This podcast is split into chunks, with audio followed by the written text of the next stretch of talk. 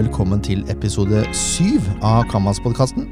Mitt navn er Jørn Werner Granerød Horntvedt, og med meg i dag så har jeg med meg ingen ringere enn Michelle Jespersen Sjuve. Velkommen skal du være. Takk, takk. Kan ikke du fortelle litt om deg sjøl, Michelle, så folk blir kjent med hvem du er? Jo, det kan jeg prøve på. Ja, jeg er da Michelle Jespersen Sjuve. Jeg er barnehagelærer i Glitnei Canvas barnehage. Der har jeg vel vært i snart eh, ti år. Eh, med hovedfokus da med arbeidet med de minste barna i barnehagen. Har liksom vært mitt, eh, mitt felt. Mm. Eh, og har to egne barn. Og var ferdig utdanna i 2011. Ja. Eh, ja. Jobba du i Glitne før du ble utdanna, holdt jeg på å si? Eh, nei, det gjorde jeg ikke. Eh, jeg var uh, utdanna var ferdig og jobba da litt i noen ulike kommunale barnehager da, eh, i årene før Glitne. Før du tok til vettet? før jeg tok det vettet. Det er helt riktig. Eh, Glitne ligger da i Tønsberg, for de som måtte lure på det. Det er helt riktig. Vi er eh, eneste barnehagen i, i Tønsberg. Men en del av Kamas Vestfold, da, kan vi jo si. Det er vi, vet du. Så vi er en, eh, en fin gruppe her nede i Vestfold. Absolutt. Eh, I dag skal vi eh, snakke om noe du er god på. Eh, jeg, har sagt grenser og overganger, men det er jo strengt talt grenseobjekter da, som er tema. Ja, Det er kan, du, kan du forklare forskjellen på Mange har sikkert hørt uttrykket overgangsobjekt. Hva er forskjellen på et overgangsobjekt og et grenseobjekt? Ja. Eh, overgangsobjekter er nok det som vi aller fleste som har eh, jobbet spesielt med de minste barna i barnehagen i mange år, har, eh, er kjent med. Det er jo ting som barna har med seg hjemmefra, som er ja, en trygghet for dem. Da. Mm. Sånn som smokken, kosen, bamse. Eh, Noen har jo også biler eller en gamle T-skjorta til mamma eller pappa. Det kan være så mangt. Eh, som minner dem om gjerne hjemme og foreldre, og, og er som en trygghet. Eh, disse overgangsobjektene er jo veldig personlige. Det er jo barnas eiendeler Mm. som, som gir denne tryggheten, da. Men det vi skal snakke om i dag, det er grenseobjekter. Kan du, kan du forklare litt om hva det er for noe? Ja. Eh, grenseobjektet er jo eh, noe som vi har eh, brukt i denne tilknytningsperioden, altså oppstart i barnehagen, eh, som er er jo et fysisk objekt, det også. Men som har en helt annen måte å være sammen med noen på, da. Grenseobjektet skal finnes på tvers av settinger, bl.a. Mm. For å skape trygghet og, og skape denne sammenhengen da, mellom to ulike arenaer. Sånn at et grenseobjekt må finnes på to ulike arenaer eh, og ha en brobyggende funksjon. Da. Ja, Det blir på en måte det felles tredje mellom barnehagen og hjemmet, da, på en måte. Det er også et begrep som flere begynner å bruke nå. At eh, det felles tredje det er dette noe å være sammen om. Mm. eh, Som, som kan være med på eh, å skape et eh, grenseobjekt. For det, det er jo kun barnet som definerer om det oppleves som et grenseobjekt. Da. Om barnet gjenkjenner det i disse ulike arenaene eller ikke, er det jo kun barnet som kan, kan være med å sette ord på. Og det blir spennende, og jeg har lyst til å dypdykke det med en gang. Ja. det, må, det må du minne meg på å komme tilbake igjen til. Ja, det skal jeg prøve på. Eh, kan, du, kan du fortelle litt om hva som er bakgrunnen for at dere startet med å bruke grenseobjekter i Glitne Canvas barnehage? Ja.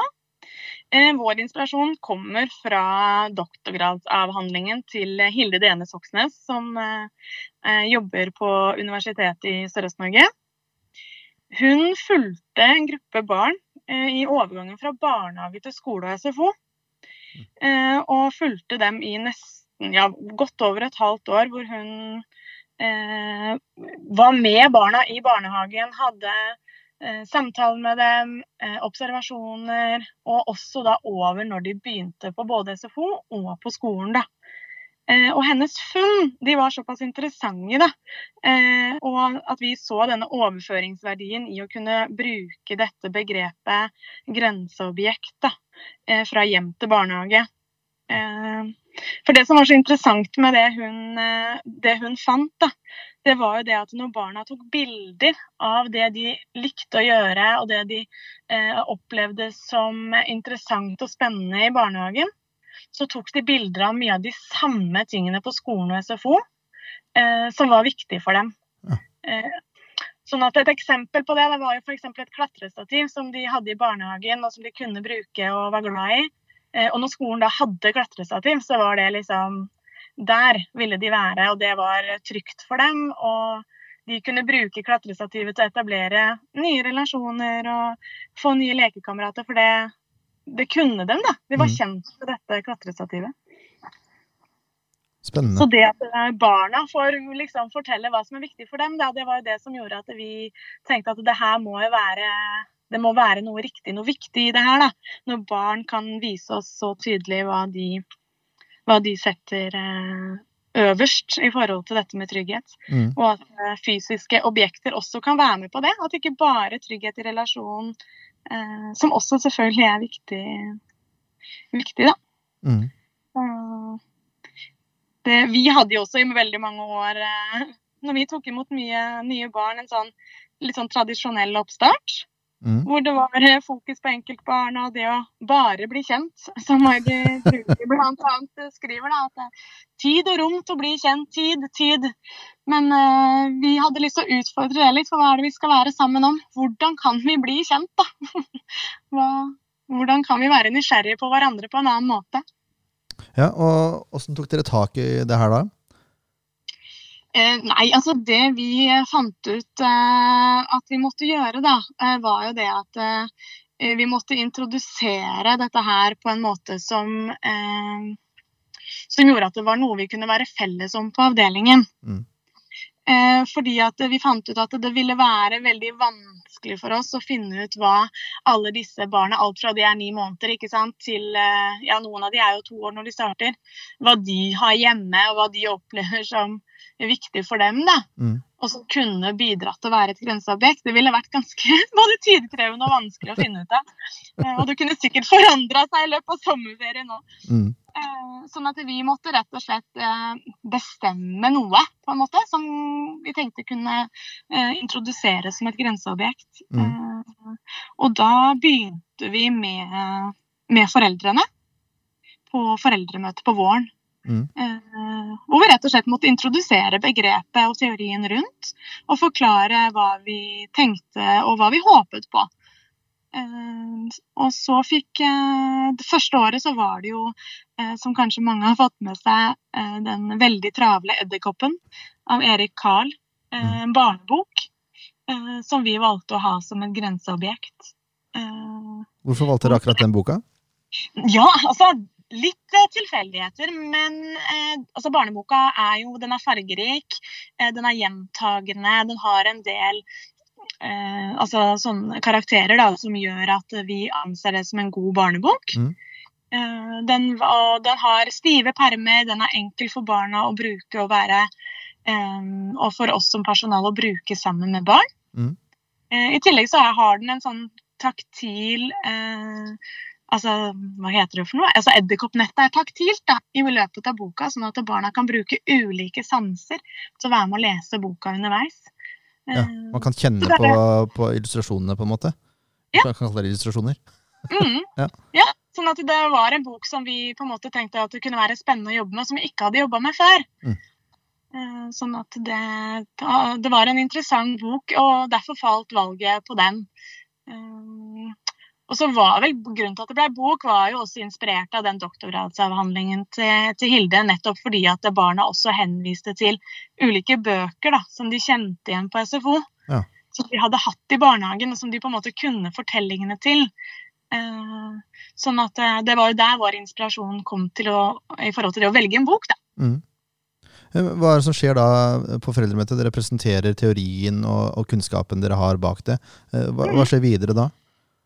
Nei, da er det jo besøksdager eh, like etterpå, hvor barn og foreldre hos oss kommer på besøk. Mhm.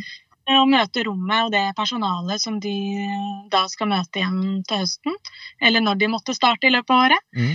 Uh, og hvor de da fikk denne gangen en, et laminert utgave da, av forsiden på denne boka. Ja. Vi kunne jo selvfølgelig ønsket oss at vi kanskje kunne kjøpt inn nye bøker og delt ut til alle, men det er jo ofte et økonomiperspektiv med i bildet også, så vi valgte å laminere det, forsiden av boka, Mm. sånn at den var holdbar. Eh, Sånn at de lå rundt omkring på hele avdelingen. Mange sånne, sikkert 30 stykker, Mm. eh, som eh, var i rommet når barna kom, og som de fikk med seg hjem. Eh, etter når de skulle hjem fra besøket. Sånn at det var barna som på en måte skulle bringe dette med til hjemmet. Ja. Eh, For å skape et eierforhold med en gang, da, eller? Ja, vi håpa jo i hvert fall det. Mange barn er jo litt sånn at de gjerne vil Altså Altså toddlere bærer jo gjerne rundt på ting, holder fast i ting. Eh, og det er jo ganske kjent at mange barn eh, gjerne vil ta med seg ting eh, når de skal gå hjem, og det fikk de jo lov til denne gangen. Så noen var nok veloppdragne og liksom skulle gi det tilbake, mens andre var veldig glad for at de fikk lov til å ta det med seg med en gang. Så, men alle fikk, da. Alle fikk med seg hjem. Veldig bra. Men eh, det, da har det da slipt eh, kontrollen litt over til foreldrene igjen, da? Det har vi, og det er jo der eh, forskjellene kanskje kommer tydeligst frem. Mm. Eh, nettopp fordi at eh, på foreldremøtene så har vi vært veldig tydelige på at det er her dere som foreldre kan være med og bidra. Mm. Her kan dere få gjøre noe, da. Som kan være med på å trygge ditt barn i oppstarten. Ved å bruke dette grenseobjektet. Bruke bildet, snakke om det, ha det tilgjengelig, ha det framme. Eh, Noen fortalte jo i ettertid at de hadde hatt det med seg på ferie til Gran Canaria. hadde vært med i kofferten og hadde liksom vært en del av, del av hverdagen, sånn at barnet skulle ha sett det mye. Mm. Eh, Noen hang det jo på kjøleskapet langt nede, sånn at barna daglig kunne se det. Eh, Lekekassene var det mange som fortalte at de liksom hadde putta det oppi lekekassa, sånn at det skulle være en del av det. Mm. Noen kjøpte selvfølgelig også boka, og brukte boka og leste boka hjemme sammen med barna. Ja. Eh, Det var jo selvfølgelig ikke et krav og ikke noe vi anbefalte, men eh, noen foreldre syntes jo det var eh, naturlig for dem å gjøre det. Mm. Sånn at der er det jo Der så vi jo selvfølgelig en forskjell på at noen foreldre brukte det veldig aktivt, og, mens andre ikke brukte det fullt så aktivt, da. Så Merker man det på barna òg, da? Ja, man kan jo selvfølgelig merke det på barna. Samtidig så opplevde jeg at det var jo noe gjenkjennbart for alle likevel. Nettopp fordi de hadde sett det i barnehagen hos oss, tror jeg. Mm. Eh, og alle hadde jo fått det med seg hjem. Og kanskje det hadde vært liggende framme bare noen dager før det ble rydda bort. Mm. Eh, sånn at, eh, men jeg så nok at de barna som brukte det mest aktivt de aller første dagene, det var nok barn hvor foreldrene på en måte hadde eh, vært gode på å, å bruke dette aktivt da, i løpet av eh, de månedene som de har før oppstart hos oss. Hva, hva er det som skjer da hos dere i løpet av de månedene? Eh, Forbereder dere avdelingene på på noe vis? Ja, vi bruker jo tid på bl.a. avdelingsmøtene til å eh, snakke med Altså hele personalet er jo med på å velge årets grenseobjekt før vi presenterer det.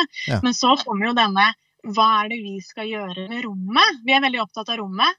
Mm. Eh, Hvordan kan grenseobjektet være synlig i rommet hos oss?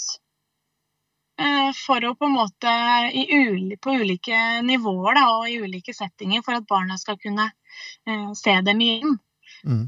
Eh, Sånn at vi bruker mye tid på disse avdelingsmøtene til å definere hvor befinner ett- og toåringen seg, eh, som vi har på vår avdeling. Da. Mm. Eh, De barna vi har igjen, som fortsatt skal fortsette på vår avdeling, hva er det de liker å gjøre, og hva er det de på en måte trenger?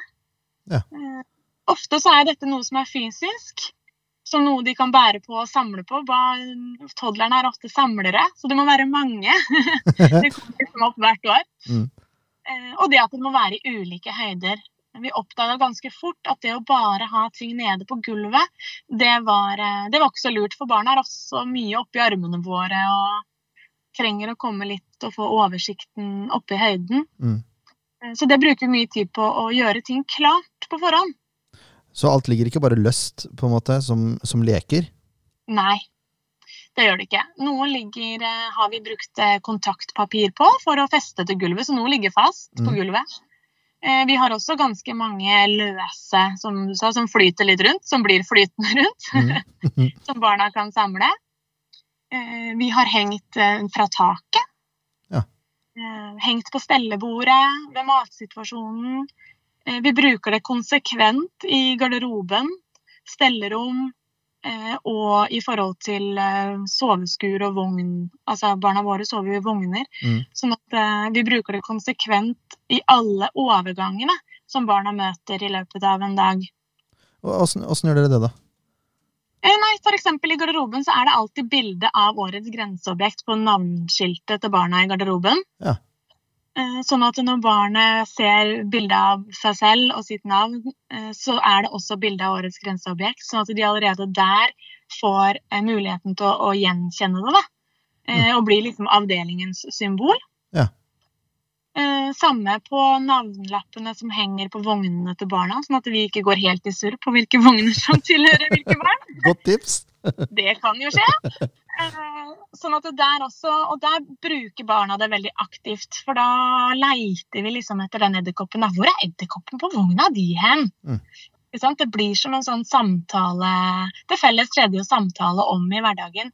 eh, som barna er veldig opptatt av fra dag én. Nettopp fordi Jeg tror det er fordi det er gjenkjennbart for dem. Mm. Du, du sier årets grenseobjekt. Eh, Det betyr, antar jeg da, at dere har forskjellige grenseobjekter eh, hvert år, eller? Ja, eh, hittil så har vi ikke mm, hatt det samme grenseobjektet siden vi startet med dette her. Nei. Så vi har hatt ulike grenseobjekt fra år til år. Hvor mange år har dere holdt på med det her nå? Mm, Nå blir det Ja, nå er vi inne i det fjerde grenseobjektet. Se her, ja. Mm. Så du har, du har egentlig fire konkrete tips å komme med, da. Ja, vi har jo for så vidt det. Men hva, hva er årsaken da til at dere, til dere bytter på? Nei, vet du hva? Det, vi, jeg snakket faktisk om det på, med noen av de ansatte tidligere i dag, i forhold til at vi nå har planlagt eh, året. Mm. Og, og det er jo nettopp dette her med at vi som personal da, eh, også får veldig mye goder og et eget samhold nettopp med dette grenseobjektet. Mm. Eh, og at vi ikke tar eh, Altså, ved å på en måte bruke det samme, da, så er i hvert fall vi redde for at vi skal på en måte gå i det samme sporet. Ja. Det blir litt som å velge det samme prosjektet om igjen og om igjen og om igjen. Mm. At vi også skal være innovative og undrende og utforskende sammen med barna for å skape kontakt og relasjon. Eh, og da ønsker vi også at vi skal starte litt sånn med frisk pust og eh, tenke nye tanker hvert år, da, for at vi også skal være litt på samme, samme bølgelengde. Sånn at eh, Nei, hittil så har vi ikke brukt det, men vi vet jo ikke da om vi noen år fram i tid velger å gå tilbake på noe vi syns fungerte ekstra godt. Ja, og eh, da, da kommer vi tilbake til det jeg lurte så veldig på i stad. Ja. Hvordan evaluerer dere det? Nei, vet du hva, vi har brukt veldig mye praksisfortellinger. Mm. Eh, vi har skrevet ned ganske mye praksisfortellinger hvert år ut fra hvordan barna bruker Hvordan vi ser at barna bruker, eller ikke bruker, eh, grenseobjektene Mm. i, for, i, for, i oppstarten. Sånn at vi går tilbake og reflekterer rundt praksisfortellingene på avdelingsmøtene. Mm. Eh, Vi har også hatt, vært i dialog med flere foreldre i forhold til hvordan de har brukt det. eh, Hvilken respons de har sett at barna sine har på grenseobjektet, spesielt da i oppstarten når foreldrene er der. Mm. Eh, Sånn at det er jo mye observasjon og praksisfortellinger. For det er jo barna som må fortelle oss om det funker Ikke sant? eller ja. Mm. Sånn at eh, det, ja, det er barnas stemme og barnas trygghet vi er ute etter. Og, men trenger man å være et veldig trent øye for å oppdage det eh, på, på småårsavdelingen, tenker jeg? Det er jo vanskelig for barna kanskje å uttrykke seg språklig, da. Altså, man må jo, altså De som er, har jobbet med de minste barna før, eh, tenker jeg at de er gode på å se og lese barns eh, kroppsspråk Mm. og nonverbale språk. Eh, og en av de på en måte praksisfortellingene som vi eh, eh, som på en måte vi har lent oss veldig på, da, og som vi er veldig som ga oss den her ekstra boosten til å fortsette med det her, er jo når hun ene jenta det aller første året, hvor vi også var veldig sånn usikre. ikke sant? Funker det, funker det ikke? Hva er det vi egentlig har satt i gang da? Når hun kommer inn med sine foreldre, krabbende inn, og det første hun gjør, er liksom rett bort til denne edderkoppen og slå på den, eh, og vise, snu seg rundt til foreldrene sine og vise frem og være i eh, en dialog med sine foreldre da, Mm. om grenseobjektet. Eh, til tross for at det ligger jo masse andre leker rundt, og, og det er jo ikke sånn at vi rydder vekk alt annet. sånn at det eneste de kan leke med, er dette her laminerte arket. sånn at det ga jo oss en veldig sånn bekreftelse på at dette var gjenkjennbart for barnet. Og, og foreldrene liksom bekrefta veldig at å, se der, da, det var jo det første hun så av alle ting her inne, liksom. Så Mm. var det det hun krabbet rett inn til. Hun enset liksom ikke de andre barna voksne engang, før hun på en måte hadde fått uh, vist fram da, og snakket om dette grenseobjektet.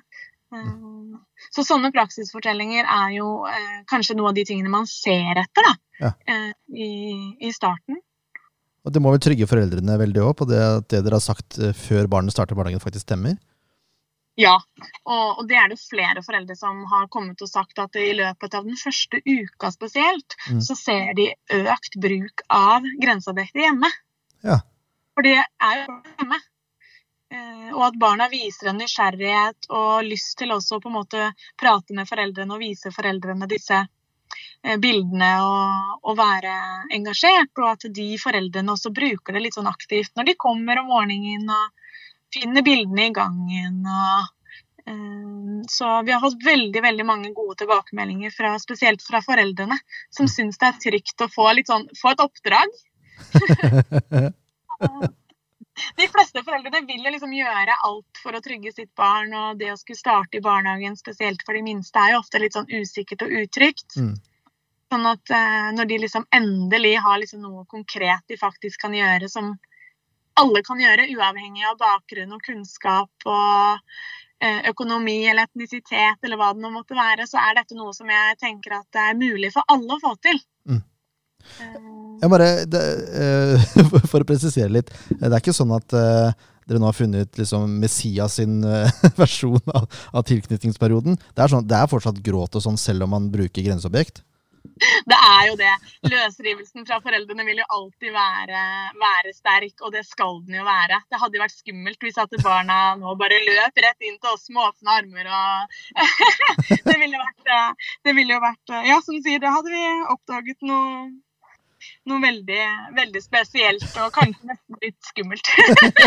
Jeg, bare, jeg vil bare poengtere det at det er fortsatt Ja. normalt at man, man gråter i en tilknytningsperiode. Selv om man har et grenseobjekt. Ja. Ja. De fleste barna har jo også overgangsobjekter. Vi bruker jo også overgangsobjektene aktivt, eh, som er barnets. Eh, men eh, grenseobjektet skaper en helt annen form for fellesskap. Da. Mm. Noe som alle barna kan være sammen om. Mm. De er ikke så veldig ivrige på å dele smokker og kosebamser. Ikke hos oss, i hvert fall. Kanskje greit, spesielt i disse tider. Ja. I hvert fall i disse tider så er det jo veldig fy-fy.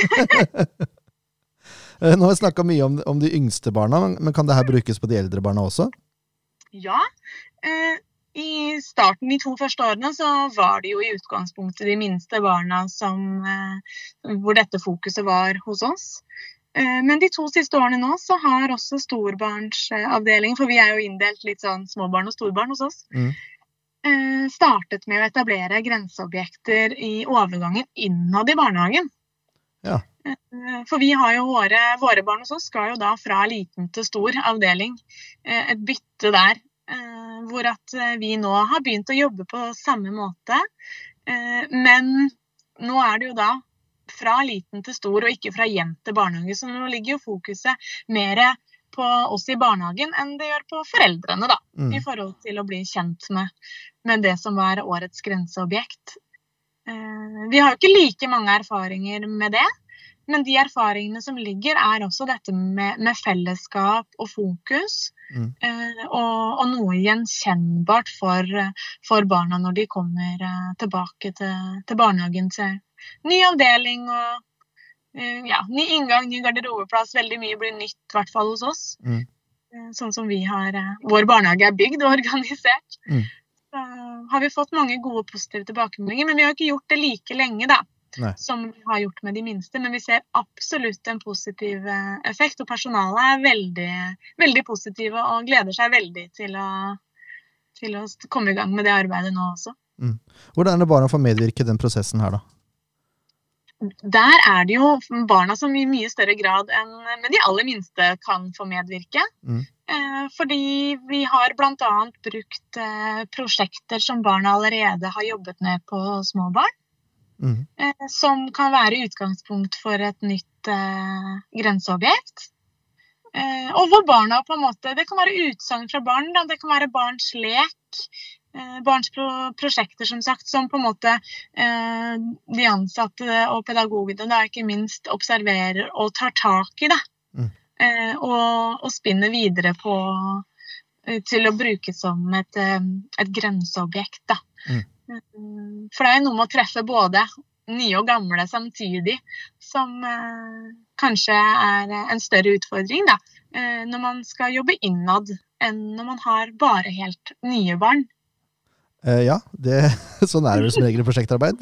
Ja. Å fenge alle barn med, med, med ett tema, det ja. kan være vrient. Ja, og det er jo ikke alltid det går. Eh, på, altså, uli, det vil jo være ulikt hvordan det treffer fra barn til barn, akkurat sånn som det gjør på, med oss voksne. Mm. Men eh, vi har veldig tro på at det på en måte ikke gjør noen skade da, ved å prøve. Og de barna som ikke interesserer seg for det, eller som ikke tar det aktivt i bruk som et grenseobjekt, det, det gjør jo ingenting, det heller. Nei, ikke sant. Eh, bruker dere da bøker da òg, eller har dere andre ting som dere også kan bruke som grenseobjekter?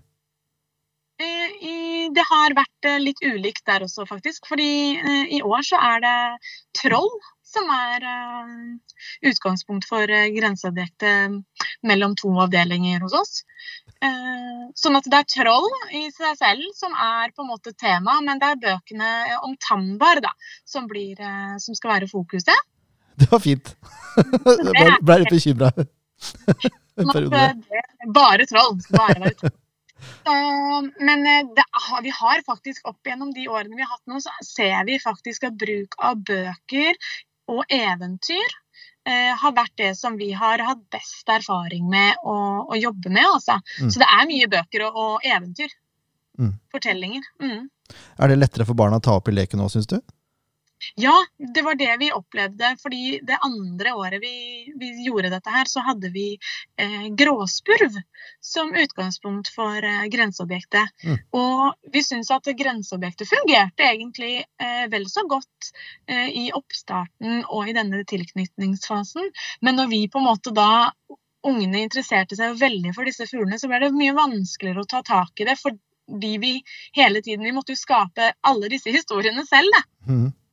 Og, og, det ble mange versjoner, og det ble veldig morsomt, morsomt, det, men det ble mye tyngre å dra det i en oppstartsfase.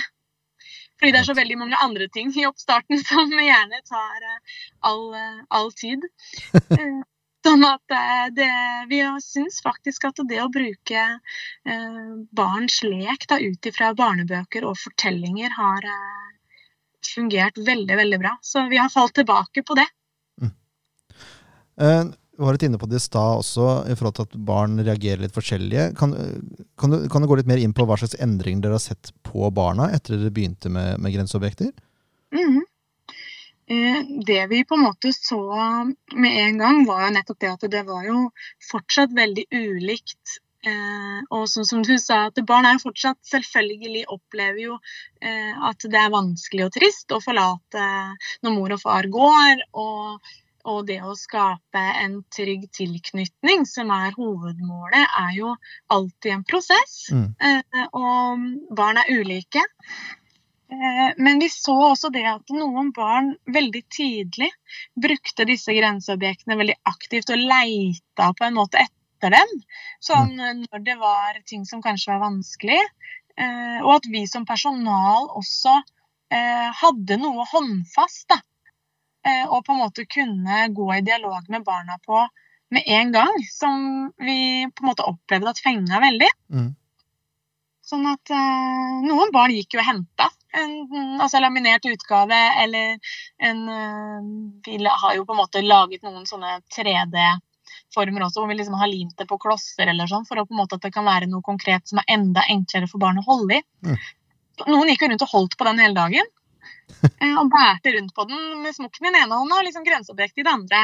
Ja. Eh, og liksom brukte det eh, daglig. Og noen, som jeg var litt inne på i stad, bruker det veldig aktivt i overganger. For vi ser jo at overganger er jo ofte et, en liksom trigger for barn da, i oppstarten i forhold til dette med, med savn og, og utrygghet. Eh, og at de da ofte brukte det veldig aktivt inn på f.eks. stellebordet. Mm. Eh, hadde jo ei lita jente som liksom inn på stellebordet opplevde at hun liksom var litt sånn utrygg og syntes dette her var skummelt, og, men sa liksom ikke så mye. Eh, men eh, når hun liksom kom ned på stellebordet, så ser hun opp på en hylle som henger over deg. Under der så har vi da plassert, plasserte da denne edderkoppen, blant annet.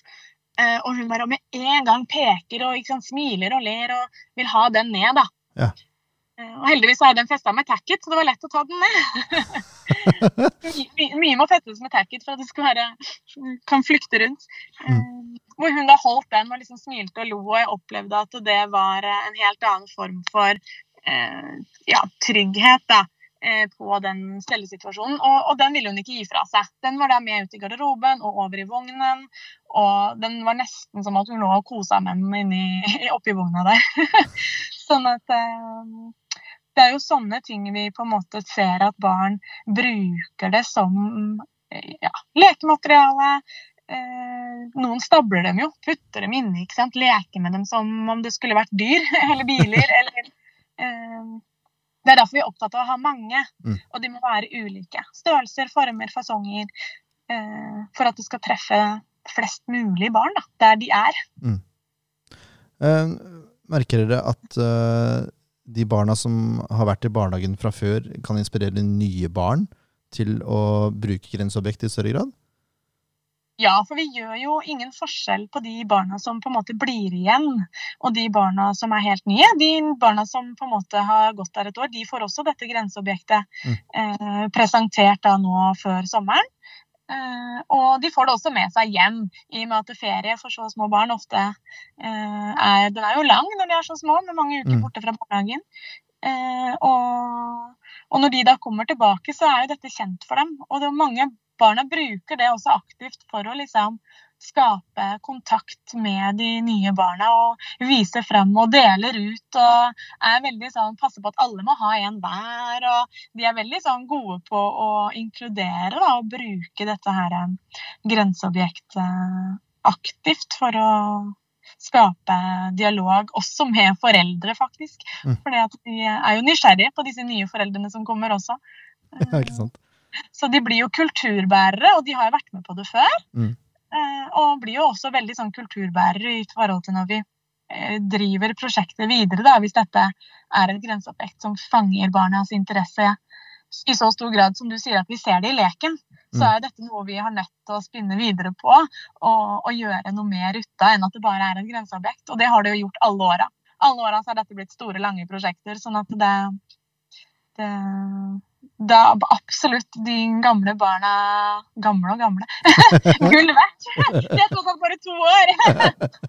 Godt er et helt år allerede. Ja, Man vokser fort i barnehagen, altså. Ja ja. Her er det bare å bli stor med en gang. Men eh, du, du sa i stad at eh, dere velger nytt grenseobjekt hvert år for at det skal være nytt og, og litt fresht, hvis jeg kan bruke det uttrykket. Eh, Ja. Men hvor, hvor godt kjenner dere bøkene sånn fra før, før dere introduserer de til barna? Altså, vi i personalet bruker jo tid på å sette oss godt inn i bøkene. eh, og også i forhold til det å velge bøker. For vi er opptatt av å velge bøker eh, som vi mener er gode bøker. Mm. eh, og gode historier som passer for denne aldersgruppen. Eh, men vi tør også på en måte gå utenfor det som er helt sånn adekvat eh, i forhold til eh, det å velge gråspurv, som på en måte kanskje ikke Eh, det var jo ikke bare en pip-pip, det var jo gråspurv. Og vi setter ord på det også blant de minste barna. Sånn at vi må jo sette oss godt inn i det vi skal jobbe med. Men vi kjenner dem ikke så godt fra før nødvendigvis. Nei.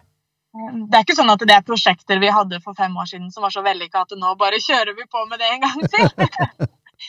vi liker å utfordre oss sjøl, mm. men eh, man trenger jo ikke eh, å gjøre det eh, vanskeligere enn det er hvis man ikke har gjort det før heller, tenker jeg. Nei, ikke sant?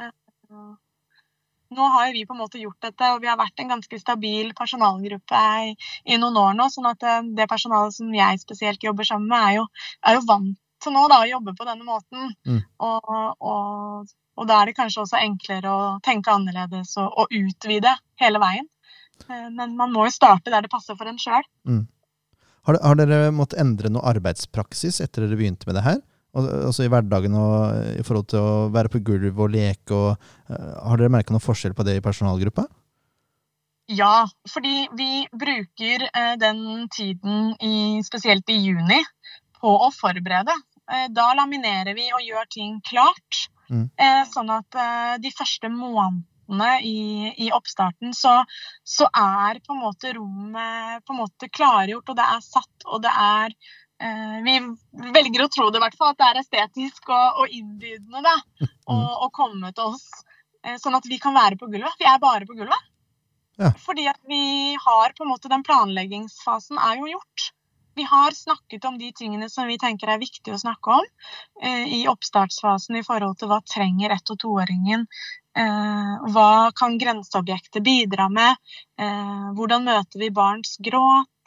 Eh, disse tingene som, som er viktige da, i, i, oppstart og, og, og, tilknytningsperioden for små barn, de, de prøver vi liksom å få unna mm. før barna kommer.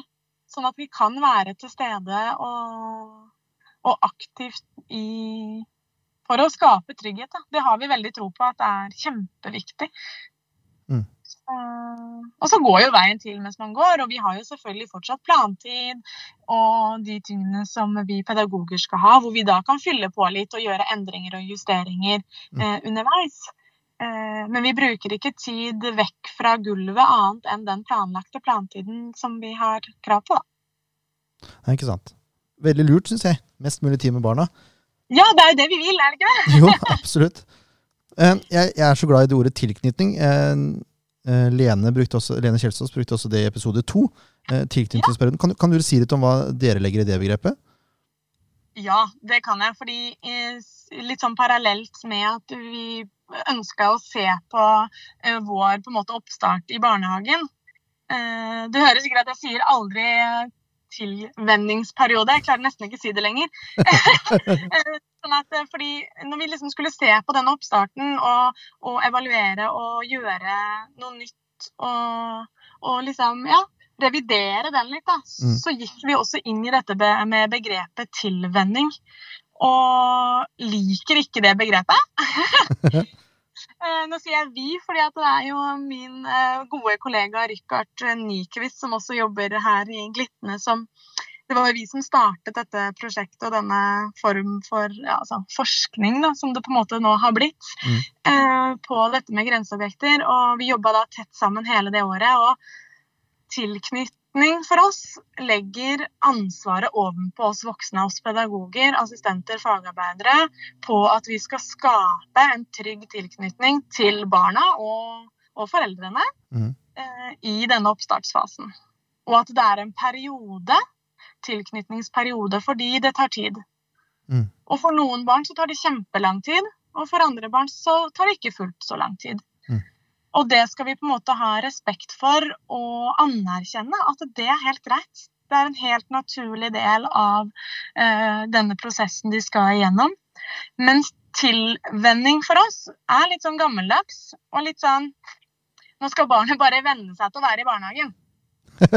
ja. Uh, og vi kan bare liksom Ja, ikke, hvis foreldrene bare går, så bare river vi liksom av plasteret, og så ordner det seg. Mm. Eh, den holdningen der opplevde jeg liksom at det kanskje lå litt mer i dette tilvenningsbegrepet. Mm. Eh, sånn at vi er ganske bevisste hos oss på bruken av eh, tilknytningsperiode, eller at vi rett og slett bruker oppstart, for det er det jo. Det er jo oppstart av noe nytt. Mm. For det er jo nytt, og det er skummelt, og det er annerledes. Og, og, det er jo nye rutiner man skal på en måte bli kjent med. Mm. Uh, men det handler om å bli kjent da, og trygge på hverandre, og ikke bare noe man må lære seg at sånn er det. Nei, ikke sant.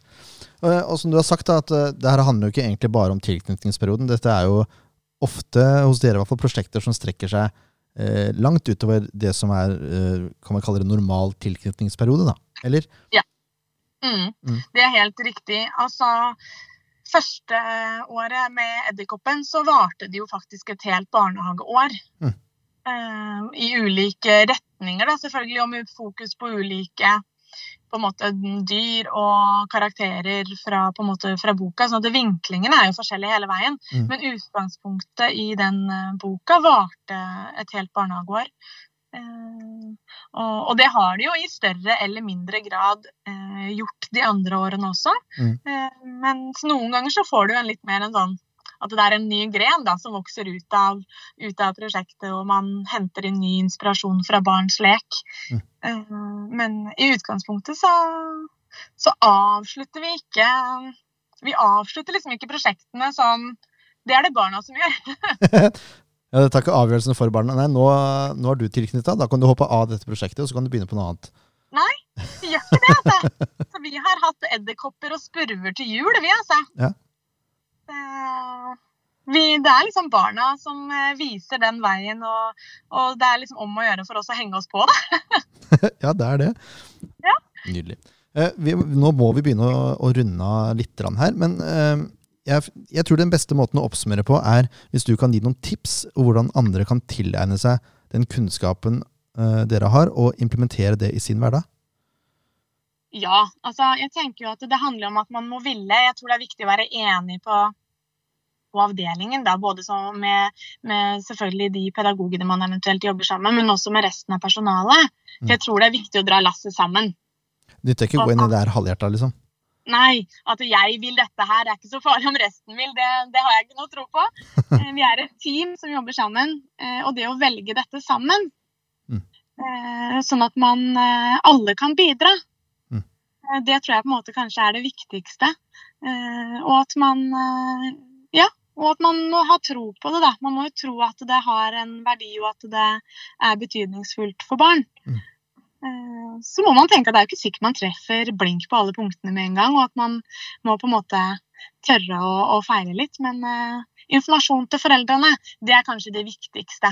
Mm. At foreldrene må uh, på en måte skjønne Eh, hvilken rolle de har, da, og at de må forstå hvorfor vi, vi, gjør dette, og hvorfor de skal på en måte bruke dette hjemme. For ellers så vil det jo ikke ha noe virkning annet enn at man starter et prosjekt da, i august, som kan ha sin virkning, det òg, selvfølgelig. Mm. Så velg noe som kanskje man syns er litt spennende og interessant, og og det kan godt hende det er lurt å begynne med en barnebok som man kanskje har litt kjennskap til fra før av, eh, for, for, å ha litt inspirasjon. Mm. Men det er absolutt ikke nødvendig. Har du noen konkrete tips til, eh, til barnebøker, eller? Ja, jeg ser jo at det Altså, vi opplevde jo veldig stor eh, stor suksess med den eh, travlederkoppen eh, av Erik Karl. Mm. Eh, og 'Lille larven aldri mett' er også en bok som er, er veldig altså Erik Karl er veldig god på både illustrasjon og, og korte fortellinger. boka 'Fra topp til tå' av Erik Karl er også brukt hos oss som utgangspunkt for grenseobjekt på, på, på Richards sin avdeling. Mm. sånn at ja, altså det er jo et hav av gode, flotte barnebøker der ute. sånn at eh, hvis jeg skal gi et sånt konkret tips, så tror jeg faktisk det å velge en barnebok kanskje er, eh, er det tipset som, eh, som står. Og så er det jo litt sånn hva er det de barna man har fra før, da, interesserer seg for? Mm. Det, hva, slags prosjekter har man hatt gående nå? Hva slags temaer har man vært innom? Er det noe man kan dra, dra videre der, så er det ekstra spennende. Gode tips, syns jeg. Det, da. Eh, åssen er det nå i forhold til um, å, å dele denne kunnskapen her? Eh, du og Richard har vel holdt et foredrag? Ja, det har vi.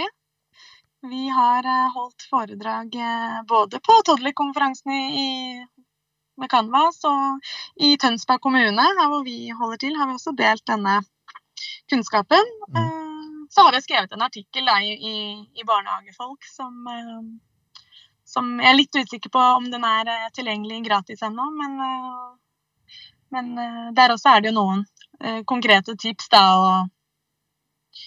på hvordan vi har jobbet, i hvert fall. Mm. Og så går det an å ta kontakt med Glitne, kanskje, og så få noen tips direkte, hvis det, hvis det er ønskelig. Ja, det er bare å sende spørsmål og, og tilbakemeldinger. og det er, bare, det er bare hyggelig å kunne dele. Dele og stjele, er det ikke det man sier? jo, nettopp. Herlig, Michelle. Du, tusen takk for at du tok deg tid til å, til å prate med oss. Jo, Det var hyggelig, det. Og så sier vi takk til dere som lyttet på oss, og høres vi sikkert neste uke.